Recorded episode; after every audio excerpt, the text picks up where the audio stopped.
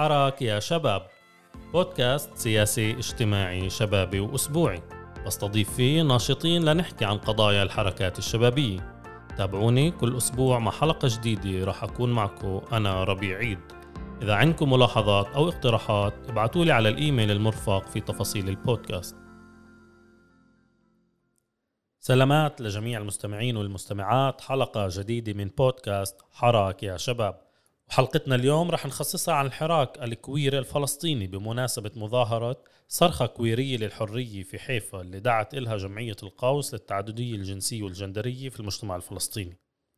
راح نخصص الحديث عن الحراك السياسي المرتبط بقضايا التعددية الجنسية والجندرية في فلسطين وهو حراك طويل منذ قرابة العشرين سنة شارك فيه العديد من الناشطين والمؤسسات. بس في السنوات الأخيرة صرنا نشهد حضور هاي القضايا للنقاش العام بشكل كبير. واللي أخذ أوجه عدة منها التحريض على العنف خصوصا في منصات التواصل الاجتماعي. في آخر ثلاث سنين صار عدة أحداث اللي انتقلت فيها قضايا التعددية الجنسية والجندرية من الهامش إلى المركز ودخلت كل بيت. نتذكر منها قضية محاولة قتل شاب عربي من مدينة طمرة من قبل أفراد من عائلته بسبب ميوله الجنسية واللي على أثرها صار في حراك مظاهرات بشكل علني لأول مرة في فلسطين. وطبعا ما بننسى المناكفات اللي كانت بين الأحزاب السياسية اللي حصلت على قانون منع علاج المثليين والموقف من التصويت عليه. بالإضافة لحملة القائمة العربية الموحدة برئاسة منصور عباس ضد الأحزاب الأخرى بحجة دعمها لقضايا المثليين واستغلال قضايا التعددية الجنسية والجندرية للفرز الاجتماعي وما رافقه من تحريض. طبعا كلنا بنعرف كمان قضية طحينة الأرز وتبرع شركة عربية لمؤسسة إسرائيلية بهدف تخصيص دعم للمثليين والمثليات العرب والموقف اللي عليه نقاش من الأجودا وغيرها من قصص أثارت هاي القضايا في مواقع التواصل الاجتماعي مثل انتحار الناشط المصري مثلية سارة حجازي وغرق الفنان الفلسطيني أيمن صفية وما أثار حوله وحول جنازته. طبعا ما بننسى كمان موقف الشرطة في السلطة الفلسطينية من بيانها حول منع نشاطات مؤسسة القوس في الضفة الغربية. هاي القضايا انحكى عنها كثير قبل. بس بتضل موجودة بالخلفية معنا واليوم رح نركز أكثر على الحراك السياسي الكويري أيضا في أعقاب الهبة الشعبية الأخيرة في فلسطين وشو طرح أسئلة وبحسب شو حكت مؤسسة القوس في بيانها اللي دعت للوقف اليوم اللي راح نروح عليها بعد شوي. لتثير قضايا وتجارب مختلفة وتحطها في المركز ولمواجهة العنف والتهميش والتأجيل في قضايا التعددية الجنسية والجندرية. طبعا في كتير مواضيع نحكي عنها اللي راح نفتحها اليوم مع الناشط السياسي ومنسق الإعلامي لمؤسسة القوس عمر الخطيب. مرحبا. أهلا ربيع. كيف حالك عمر؟ تمام تمام. مليان طاقة وأدرينالين وأقل تركيز. شو شو عاملين اليوم في حيفا؟ أنا جاي من القدس. أول إشي نبدأ. سايق من القدس واليوم مظاهرتنا في حيفا كمان ساعتين ثلاثة اللي اشتغلنا لها كتير ومتحمسين لها كتير وفي لها طاقات كتير. طيب اليوم إحنا رح زي ما ذكرت بعد ما نخلص تسجيل رح ننزل كمان وناخذ يعني مقابلات وتسجيلات صوتية وننقل الأجواء اللي كانت موجودة. بدنا تحكي لنا عمر أكثر عن الوقفه اليوم آه، خلفيتها. هاي مش أول وقفة كان في صرخة يعني كويرية للحرية قبل قبل بسنة وقبلها كمان بسنة لما كان في محاولة قتل الشاب آه، من طمرة. وصار زي وكأنه تقليد سنوي وهاي السنة الثيمة الأساسية للوقفة هي في أعقاب الهبه الشعبية الأخيرة صحيح. في فلسطين. نحب نسمع أكثر عن هذا الموضوع. صحيح. شكرا ربيع. صرخة كورية للحرية هاي السنة هي بتيجي للمرة الثالثة على التوالي. أول سنة كانت ب 2019 في أعقاب محاولة قتل أو طعن شاب عربي قرب ملجأ للمثليين في تل أبيب. وقتها كان في أكثر ردة فعل من القوس وكمان ست مؤسسات حقوقية ونسوية. كان في غضب وكان في ضرورة إنه نحكي كلمة ونواجه الشارع ونواجه هذا العنف. فنزلنا على الشارع في وقفة اللي كانت بشهر 8 2019 وكانت كتير ذات أثر كبير وكانت كتير عملت يعني تغييرات في شغل القوس وكيف الناس بتشوف القوس وفي شغل وفي يعني رؤية المجتمع إلنا كأشخاص ترانس ومثليين. فبعديها صار زي كأنه في توقع أو صار في انتظار لهذا الإشي إنه يتكرر كمان مرة بالأساس من منا. كمثليين وترانس نسويات أشخاص حلفاء من دوائرنا إنه هذا الإشي لازم يصير كمان مرة. والقوس كل شغلها قائم على الحاجة تعطش لإلنا كمجتمع ولحاجاتنا كمثليين. فصارت فعلا كمان مرة ب 2020 وصار اسمها صرخة كورية للحرية. ب 2019 ما كانش اسمها هيك كانت وقفة ضد العنف. آه، كانت ب 2020 كمان مرة وواضح بعدين إنها أضحت محطة ثابتة ومركزية في عمل القوس. وهي مش بس هيك هي بفكر نقطة مفصلية في اللي إذا بدك نسميه الحراك الكويري بالفلسطيني بآخر 20 سنة. يعني هاي صارت إشي اللي كتير نقلنا مراحل لقدام. صرخة كورية للحرية 2021 أجت بعد أشهر كثيفة وزخمة. عشناها بالهبة كشعب فلسطيني وكمثليين وترانس وواضح لنا كان يعني بدون يعني ما كانش في عن جد كتير سؤال حول تأطيرها أو رؤيتنا لها بعد اللي عشناه بشهر ثلاث وأربعة وخمسة وستة إنه هاي بدها تجاوب على الأسئلة اللي طلعت بالهبة. هاي بدها تجيب صوتنا اللي كان يمكن مغيب أو كثير ناس حاولت تسكته بالهبة. فصرخ كوريا للحرية 2021 هي عشان تجيب هذا الصوت. يعني في ناس اللي بعد هذيك السنة بتذكر من أصدقاء اللي يعني اعتبروها إنه هاي نوعا ما البرايد الفلسطيني. بس هي طبعا مش جاي في سياق برايد جاي في سياق الفلسطيني من من أحداث. وهاي السنة يعني النسخة في خصوصية أكثر في عقاب الشعب الهبه الشعبية الأخيرة وفي بيانكم ذكرتوا يعني بشكل واضح عن قضايا اللي كانت في في خلال الهبة من مشاعر كثيفة وزخمة اللي عشتوها في الانتفاضة الأخيرة كشعب فلسطيني مقبوع وأيضا كأشخاص بيعيشوا تجارب جنسية وجندرية مختلفة. صحيح. فهاي الزاوية حابين نحكي أكثر عن هاي الزاوية يعني إيش اللي إيش اللي بيجمع ما بين القمعين هدول؟ صحيح. إحنا في القوس في عنا نقد لاذع من سنوات طويلة على ما يسمى مسيرات الفخر المثلية اللي بتصير حول العالم. دائما كان عندنا نقد وتحفظ وإشكاليات معها ودائما كنا عندنا كثير علامات سؤال عليها. بالأساس لأنها كيف بتصير في معظم أماكن العالم؟ لأنها بتصير منزوعة السياسة وبالأساس بتكون استهلاكية واحد واحتفالية اثنين وما بيكونش فيها الأسئلة السياسية اللي لازم نجاوب عليها بخصوص قضايا التعددية الجنسية والجندرية. فأنا كتير كنت بخاف إنه نحكي إنها أشبه ببرايد لأنه صرخة كورية للحرية هي في صلبها سياسية بتيجي تعرض أو تجاوب على الرؤية والهوية السياسية للقوس أصلا اللي إحنا من يعني بنينا عبر السنوات بفكر صورة كتير واضحة لكل المجتمع حتى اللي بعاد عنا إنه القوس هي مؤسسة سياسية مناهضة للاستعمار مناهضة للرأسمالية ومناهضة للأبوية. لا هي واضحة هاي بس هي يعني قيلت لأنه كأنه أول خروج علني ومظاهرة ووقفه صحيح لا سمعناها جديد يعني. سمعناها ف... كثير كمزحة يعني أقيل لا لا عم نسمعها كثير فبالعكس آه. أنا بس يعني أخذتها فرصة إني أحكي عن الموضوع. آه. لا ومهم كمان اللي ذكرته إنه حتى في العالم بيكون في يعني حركات أخرى اللي بتنظم يعني أشياء بديلة اللي بتربطها بقضايا سياسيين كان للاجئين لذو البشرة السمراء وغيرها من قضايا أخرى في في دول العالم. صحيح صحيح. فمظاهرتنا إحنا حاليا عم نسميها مظاهرة مش وقفة. كانت ب 2019 وقفة فمظاهرتنا سياسية بصلبها بمقولاتها. باللي جاي تحكيه مع المجتمع ومع الشارع إيش جاي تحكي اليوم؟ جاي تحكي الأشياء اللي كنا بدنا نحكيها في الهبة وما قدرناش نحكيها عشان العنف الكثيف اللي كان من الاستعمار وللأسف كمان عنف الذكورية والأبوية اللي كان من مجتمعنا عشنا في الهبة الأخيرة زي باقي بنات وأبناء شعبنا القصف والاعتقالات ومحاولات الهدم والتهجير والحرق وكل الأشياء الصعبة اللي كلنا عشناها. فجايين نقول إنه إحنا كجزء من الشعب الفلسطيني إحنا بنتعرض لهذا العنف الاستعماري ومنواجهه ومنقاومه ومنوقف ضده. وطبقة أخرى هاي كمان اللي الصرخة كتير مهم تجيبها بصوت كتير عالي وواضح هي إنه إحنا كمان غير عن العنف الاستعماري إحنا بنواجه عنف من أبناء وبنات جلدتنا اللي كتير بتتمثل بقمع ومحاولات إسكات ومحي اللي هو للأسف كمان شيء أداة استعمارية محي وجودنا وإنكار وجودنا أصلا من المجتمع الفلسطيني. فهدول المستويين أو الطبقتين من العنف إحنا دائما بنعيشهم وكل كل الوقت كل شغلنا في القوس هو ضدهم. بس عم عم نركز على الهبه كتير خصوصي بهاي المظاهرة لأنه كأنه كل شيء تكثف. كلنا هيك عشنا مشاعر وأوقات كثير كثيفة اللي كان صعب نستوعبها حتى ونقطرها. ف... فجايين نجاوب على هاي الأشياء.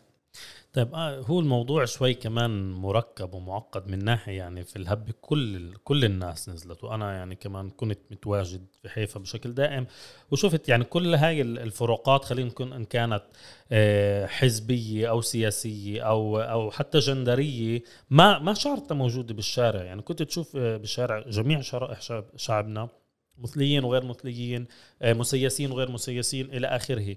السؤال هو شو الأهمية أنه طرح هذا الموضوع الآن؟ يعني بعد الهب يعني في الهب ما كان في خطاب قامع ضد المثليين مثلا مشاركتهم أو عدم. يعني وشفنا جزء كبير كمان من يعني الناس اللي كانت ناشطة في الحراك كان كمان ناشطة في قضايا التعددية والجنسية والجندرية وناس اعتقلوا وانت كمان شخصيا اعتقلت في الشيخ جراح وفي الصورة الشهيرة تبعتك. فشو الأهمية إنه طرحه الآن؟ وهو موضوع ما كان يعني مطروح في, في الهبة يعني ما ما حدا اجى في خطاب إنه مثلا فلان أو فلاني بسبب جنسها أو ميول جنسية إنه ممنوع يشارك أو يكون بالمقدمة. بالعكس كان الجميع في المقدمة. صحيح. انت عم تحكي عن إشي اللي إحنا كمان شعرناه في الهبة اللي هو غياب خطاب أو تأطير نسوي وكويري في الهبة. إذا هيك بدي أسمي اللي انت عم تحكي عنه وأنا بفكر إنه مزبوط. إحنا كأشخاص ترانس كنسويات كمثليين كنا كتير في الهبة ومش بس في المشاركة في الشارع كمان في التنظيم. وهذا مش عشان إحنا بدنا ناخذ تبرير من حدا أو بدنا نأخذ شرعية من حدا. إحنا بنفكر عشان هذا مشروعنا التحرري الأقل شيء طبيعي إحنا بنشارك فيه وبنواجه الاستعمار. فمع هذا الوجود ومع هاي المشاركة اللي كتير كانت واسعة وبارزة بفكر في شغلتين اللي أدوا ل هذا الفراغ اللي أنت حسيته وعم تحكي عنه وإحنا كلنا حسيناه وشفناه.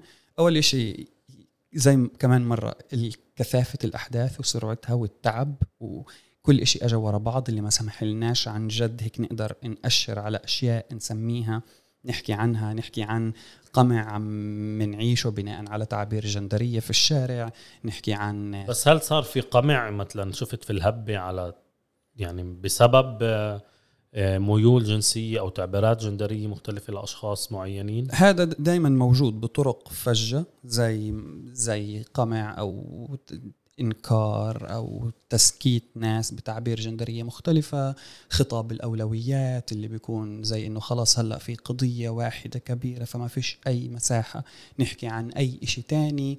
آه هذا بيكون موجود بس كمان في في الأشياء اللي هي مش مباشرة يعني مش حدا بيجي بيقول لك لأنه أنتم مثليين بدناش إياكم في الشارع. في الخطاب العام اللي هو كمان كتير بالخطاب الوطني الفلسطيني كمان في هذا القمع وفي هذا التهميش لقضايا التعددية الجنسية والجندرية. زي مثلا كمان شفناه كتير في الهبة الأخيرة الاحتفاء المفرط فيه لأنماط ذكورية أو لأنماط معينة من من المقاومة اللي هي مرتبطة بالرجولة المفرطة والبحتة. اللي هاي كمان يعني هاي مش بشكل مباشر بيجي بقول لك انت ما تنزلش مظاهرة لأنك مثلي أو انت أنت ترانس فأنت محلك مش هون. يعني بس في بالخطاب العام بالتوجه بالروح آه، بالمشاعر بيكون في إشي اللي هو إقصائي بطبيعته. طيب آه، أنا بدي أحكي كمان يعني على قضايا اللي هي آه، انطرحت في السنوات الاخيره وذكرتها في المقدمه وطبعا نوقشت وانكتب عنها يعني كمان العديد من المقالات آه، وتنظم ندوات عن هاي المواضيع. بس كمان مناسبة نحكي عنها يعني إنه القضايا اللي بتثار على مواقع التواصل الاجتماعي بسبب مثلا يعني كل موضوع آه، الأحزاب على قانون منع علاج المثليين أو في حملات انتخابية بتصير مناكفات آه، طحينه الارز إلى آخره إلى آخره. هاي كله بفرز يعني بفرز نقاش عام. اللي باخذ طبعا يعني معظمه يعني نقاش أنا بعتبره غير عقلاني وفيه كتير تحريض وفيه عنف وفيه استهزاء وتنمر إلى آخره. وبس في هناك بعض الاوقات يعني بعض الأصوات الصادقة والعقلانية. السؤال هذا العالم اللي هو كمان عالم ال social media اليوم اللي عم بيكون بيلعب دور في تشكيل الوعي في تشكيل الآراء في تشكيل الهوية إلى آخره. وداخل يعني كل بيت وبيت وكل إنسان معاه تلفون اليوم بيقرأ وبيشوف وبتاثر وبتفاعل وهو بيأثر وإلى آخره. إيه كيف أنتم بتنشطوا في هذا العالم؟ يعني كيف ممكن أنتم تستغلوه؟ طبعا شفنا حملات إعلامية مختلفة للقوس وغيرها بس يعني في أعقاب موجات التحريض والعنف اللي ممكن تصير. كيف القوس بتشتغل عليه؟ وشو في عندها استراتيجيه على الموضوع صحيح. إيه بفكر هذا العالم صار هو العالم. يعني إذا عن جد في نقاشات أو في جدال وأنا بوافق معك إنه مش عن جد نقاشات نقاشات بين كتير قواس. هي بالأساس نقاشات تتسم بالكثير من العنف والإقصاء. بس آه إذا في عن جد هيك حاليا نقاشات أو جدالات بتكون على في الحيز الرقمي أو على مواقع التواصل الاجتماعي اللي أنا بفكر إنه القوس في عندها أداء كتير عالي ومنيح بخصوصها لشغلتين. أول إشي من ناحية رفع وعي وإيصال مقولاتها السياسية اللي بدها تحكيها اللي هذا بصير زي ما أنت حكيت عن طريق مقالات عن طريق حملات فيديو عن طريق كثير أشياء اللي كثير عملناها زي زي ما حكيت وقت الجدل حول حول القانون والتصويت في الكنيسة. كان عندنا ثلاث فيديوهات اللي بتقول كلمتنا كأشخاص ترانس ومثليين. فهذا هدف إنه نحكي نحكي مقولاتنا ونحكي المعلومات اللي عندنا ونحكي إيش بدنا نحكي للمجتمع. والإشي الثاني اللي هو لا يقل أهمية هو وصول لأشخاص trans ومثليين اللي يكونوا بمساحة نشاط القوس ويكونوا جزء من هذا التغيير الاجتماعي اللي عم نعمله.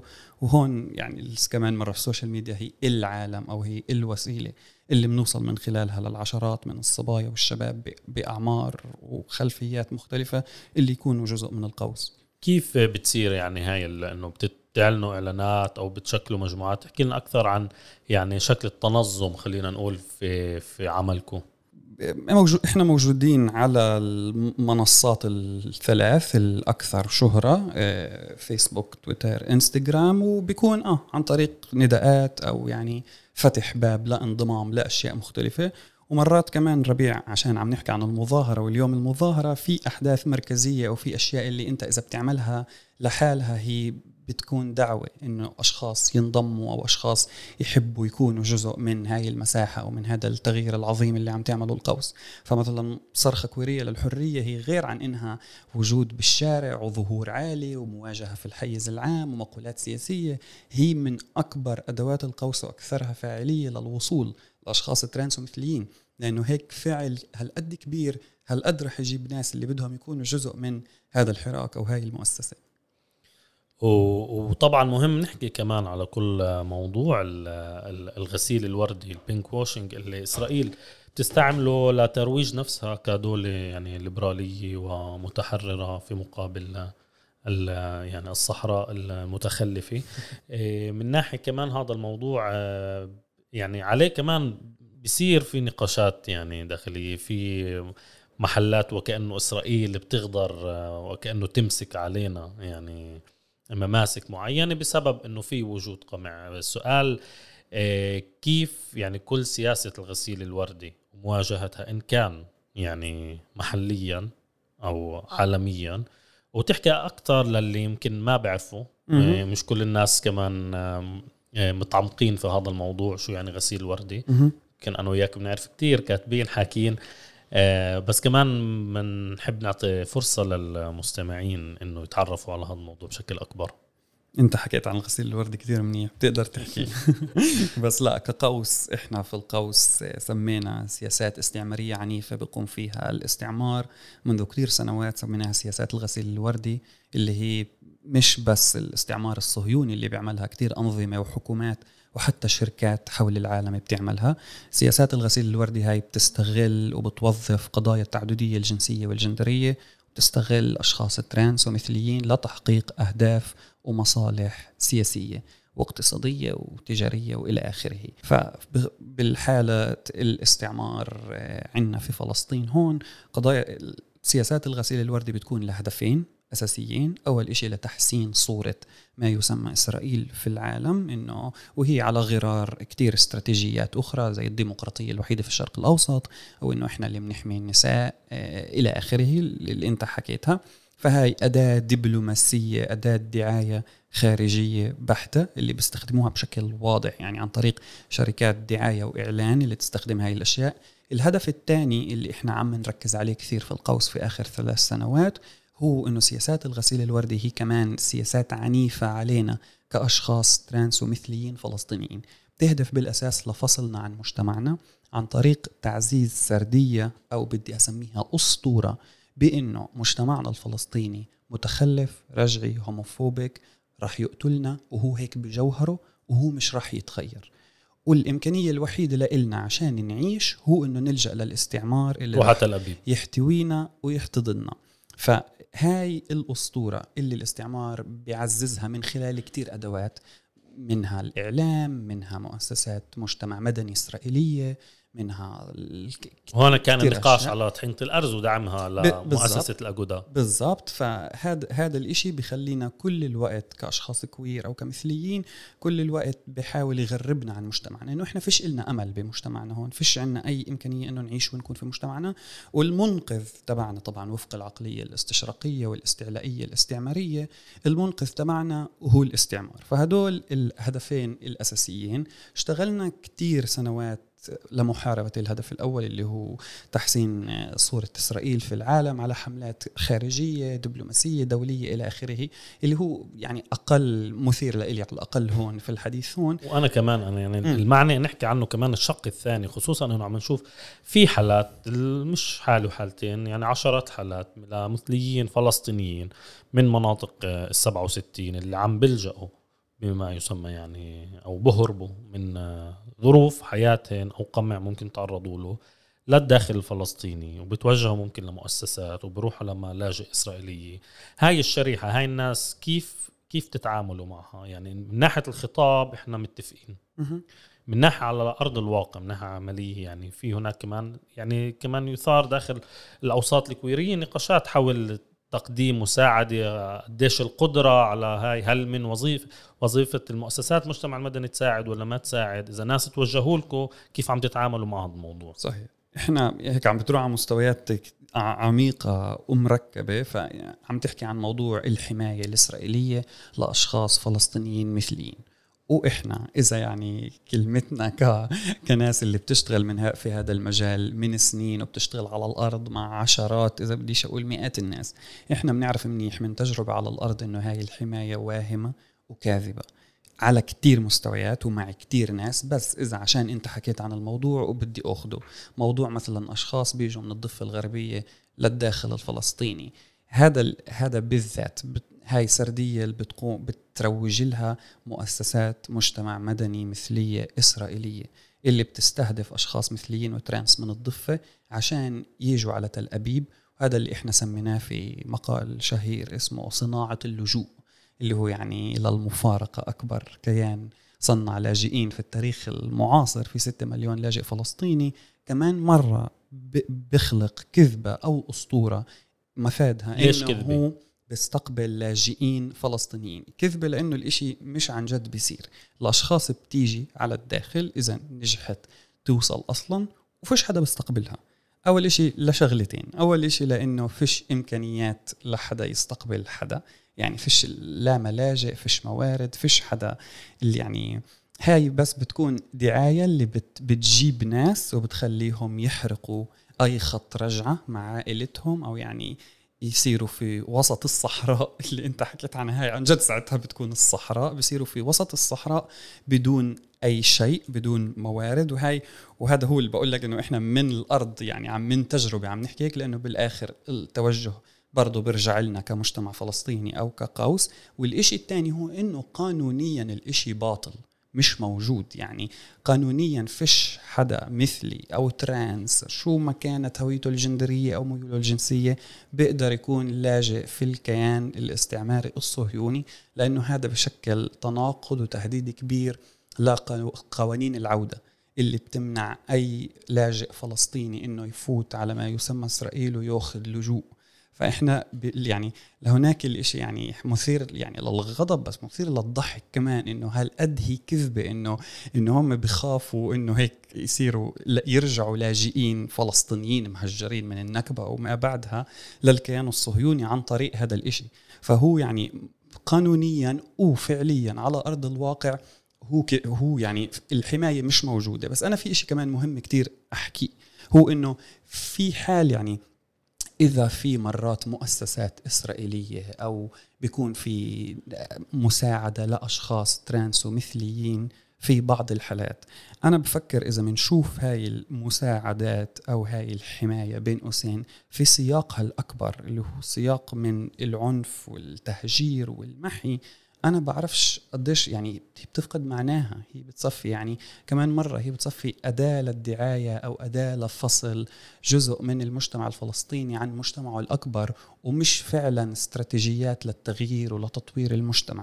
طيب الشباب اللي بيجوا مثلا بتوجهوا لهي المؤسسات شو بصير فيهن؟ يعني في القسم بفكر إنه باخذ يعني حماية وباخذ ملجأ في منهن اللي باخذوا يعني لفترة معينة بعدين بصفوا في الشارع.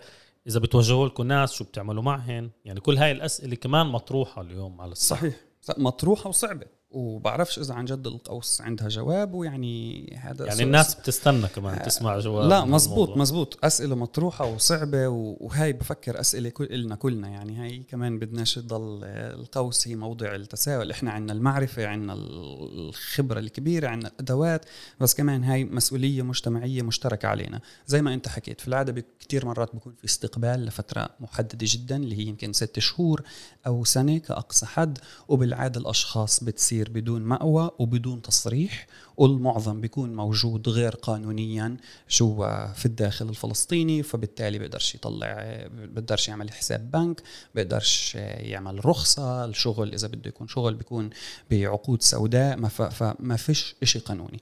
إحنا اللي بننادي فيه في القوس هي حماية مجتمعية. إحنا مش مؤسسة خدمات إحنا مؤسسة تغيير اجتماعي إحنا مؤسسة سياسية. واللي بنحاول نص يعني نسعى له لا يعني على المدى البعيد وهو راح يكون تغيير بطيء وطويل المدى هو إنه الناس ما تحتاجش أصلا توصل لهي المرحلة. هو إنه مجتمعنا يبني الأسس المتينة اللي أشخاص ما يحتاجوش يطلعوا من بلداتهم ومن عند عائلاتهم ومن شبكاتهم الاجتماعية ويحتاجوا دعم من مؤسسات الدولة. والحماية تكون فعلا شعبية وتكون منا كمجتمع لجميع الأشخاص. عمر الخطيب حديث كثير شيق وفي كثير قضايا يعني بدنا نحكي فيها بس إحنا عشان آه، مضطرين ننزل على المظاهرة وناخذ شوية مقابلات وأصوات وننقل الأجواء. آه، شكرا كثير للمشاركة معنا اليوم آه، في حلقة حراك يا شباب المخصصة على الحراك الكويري الفلسطيني. ونتأمل النجاح ويعطيكم العافية في نشاطاتكم. شكرا لك ربيع وإحنا سعداء إنه كنا هون. يعطيك العافية. وتابعونا مستمعين ومستمعات راح ننزل على المظاهرة في الجادة الألمانية لننقل الأجواء من هناك. كنت معكم أنا ربيع عيد.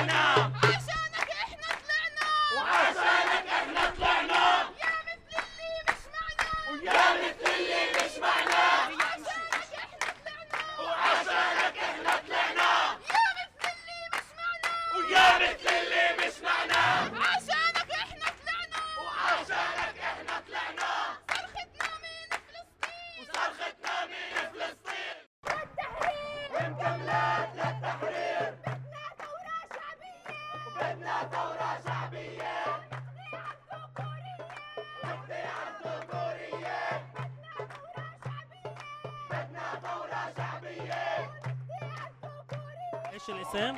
آه، حمودي حمودي ليه مشارك اليوم بالمظاهرة؟ آه، إحنا هون عشان نحارب عن كل حقوقنا عشان نكون مع بعض عشان نتجمع عشان نعيش بين أهالينا وعشان ما نخافش من أي حدا ومن أي حدا بيسلب حقوقنا وشو بتحكي للأشخاص اللي ما قدروا يشاركوا اليوم وخافوا؟ it's okay you will have your time it's coming شكرا حمودي مريم ليه اليوم مشاركة بالمظاهرة؟ لأنه لها ربط يعني بأحداث الحب الأخيرة وهيك ويعني بحس إنه كمان هن من حقهن يطلعوا ويتظاهروا ويعني يكونوا مين ما بدهن. أنا بحق لي كمان أكون فلسطينية وأعبر عن فلسطينيتي وهن بحق لهم يعبروا عن إيش ما بدهن يكونوا. شكرا مريم. طيب إيش الاسم؟ نور عثامني. نور آه، ليش اليوم مشاركة بالمظاهرة؟ آه عشان بدي أتضامن مع آه مع المثليين والمثليات وال trans وال queer بنضالهم للحرية والمساواة. شكرا.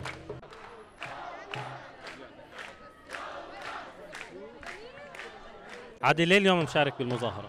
إحنا أول شيء اليوم مظاهرة آه، قررنا بحركة شباب حيفا نتعاون مع آه، مؤسسة القوس. إحنا وطلعات وحراك حيفا. ومع بعض حركات شبابية اللي موجودة بهاي البلد. نطلق صرخة كورية اللي هي امتداد واستمرار للهبة الشعبية اللي طلعنا فيها بأيلول. شكرا.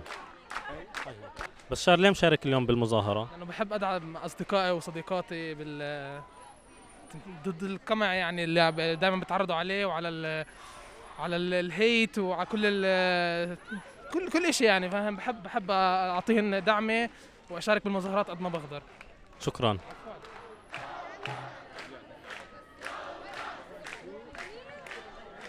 مرحبا كيف الحال؟ ممكن أسأل سؤال؟ ليش مشاركين بالمظاهرة اليوم؟ لأنه أنا بأمن إنه المثليين والمثليات هن فئة جدا كبيرة من المجتمع.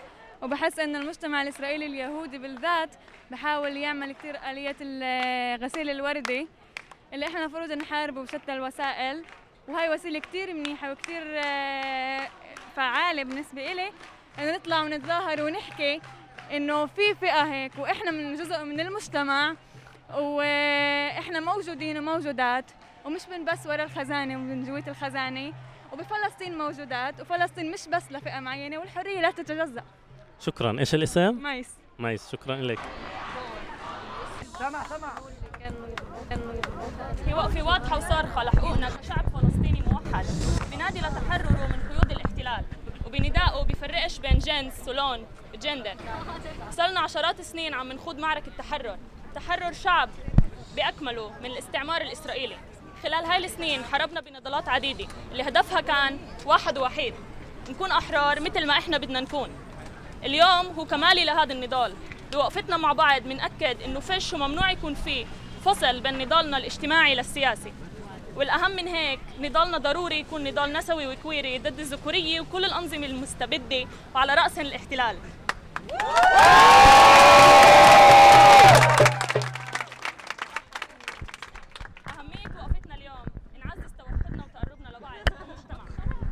بحياتنا اليومية إحنا بحاجة لمكان آمن. مش مهم شو جنسنا أو مين منحب. ولهيك ضروري نقرر نقدر قصدي نبني هاي البيئة بمدننا وبلداتنا الفلسطينية. عشاننا إحنا اللي مشاركين هون وخاصة عشان الناس اللي بتقدرش تيجي تشارك معنا وترفع صوتها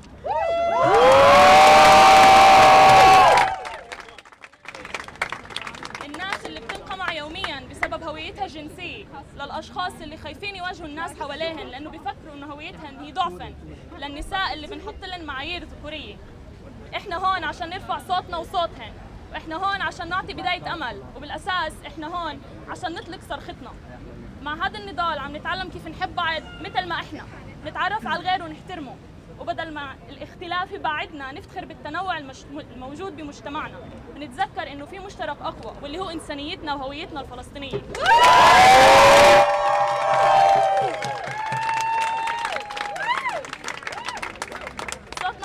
الحيز العام مهمة لكل شعبنا لأنه هيك عم نرجع سيطرتنا على تحركاتنا وبنفرض صوتنا بالشارع. دورنا كحركة شباب حيفا وكدور ودور كل حركات الشبابية والنسوية والكويرية إنها تأثر على الرأي العام. وتشجع الفرد يكون حر ومين هو بدون أي خوف. اليوم دورنا أكثر ضروري أكثر من أي وقت. وبعد الهبة الشعبية مهمتنا نحافظ على القوة اللي اكتسبناها ونراكم عليها. بصوتنا لازم نشجع كل فرد ينضم لنضالنا. اللي هو بالآخر نضال واحد. ولا مرة لازم نفك نفككه أو نهمش أي فئة منه هوية نضالنا هي هويتنا. هي مبادئنا وأفكارنا وتطلعاتنا وهي اللي بتحكي عن البيئة اللي حابين نشوفها والمجتمع اللي عم نبنيه. المعركة يمكن صعبة وطويلة بس صبايا وشباب اليوم عم تستمر بدون تراجع. وعم نرجع القوة بالشارع وتحركنا عم بيوصلنا لهدفنا بأنه نكون شعب حر متفتح بيعيش كيف بحب وكيف مرتاح وبحس بالأمان بوطنه شكرا كثير كثير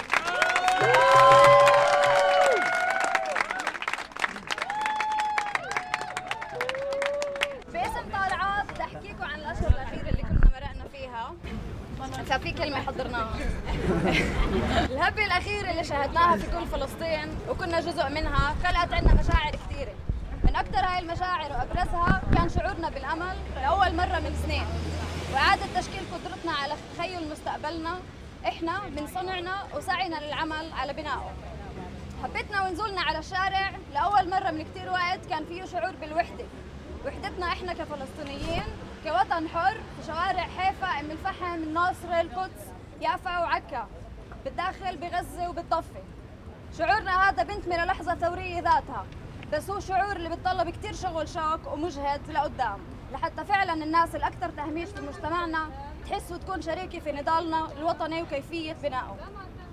لحظة الأمل هاي وشعورنا بالوحدة اللي شعرناه هو إشي كلنا عم نحاول نتمسك فيه.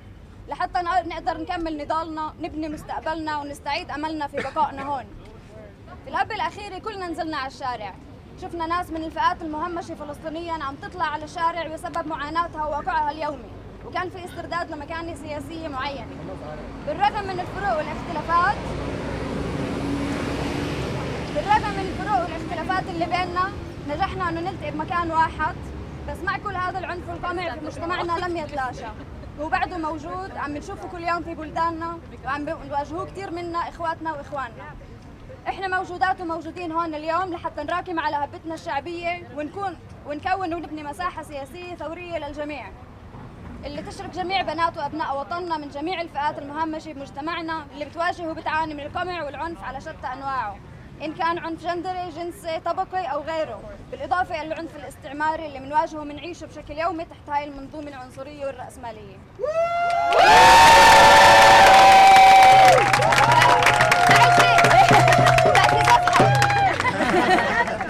وجودنا كلنا هون اليوم كحركات نسوية كورية وشبابية.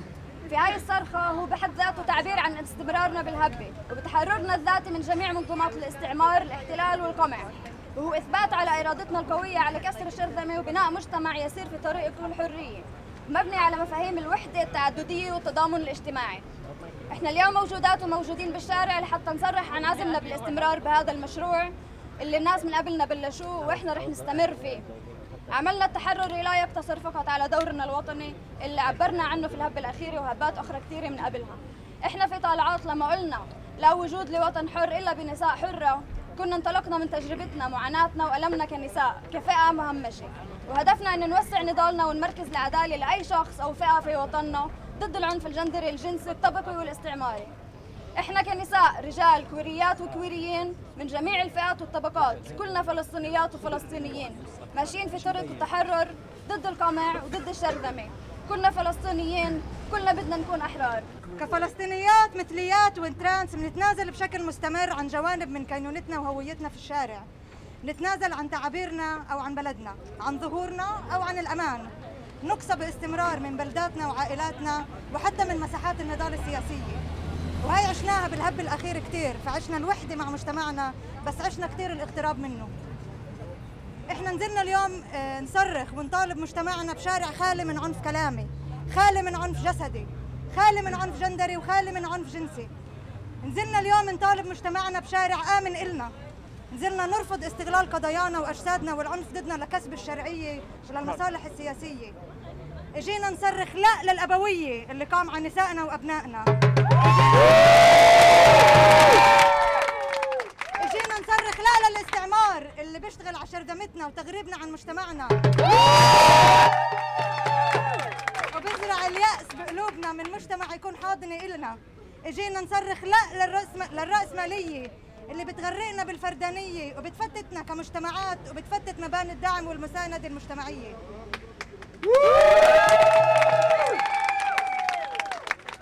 إجينا نقول لكم مسؤوليتكم تحمونا. مسؤوليتكم معالجين معلمين مستشارين إعلاميين والقوات السياسية التحررية تاخذوا دوركم. وتقولوا بصوت واضح لا لتعنيفنا. اجينا نقول لكم إنه فيش فلسطين حرة بدوننا. فيش فلسطين حرة وأجسادنا مقموعة. فيش فلسطين حرة وعلاقاتنا محظورة. عن أي فلسطين حرة عم نحكي لما وجودنا مقموع ومعنف يوميا؟ عن أي فلسطين حرة عم نحكي وسجن العار خنقنا؟ بدنا نحرر فلسطين نحرر كل أفرادها مش نكو... ن... نبدل قوة قامعة بأخرى.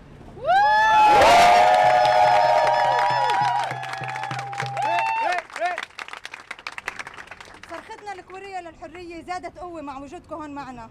وجود حلفاء وشركاء بالفكر والتنظيم مع وجود الأصدقاء الأهل والإعلام اللي ما أقصانا. وكل واحد رح يحمل صرختنا من هون لدوائر حياته. الأمل هو التحرر وأنتم اليوم زدتوا أملنا بفلسطين حرة. فلسطين تكون إلنا كلنا.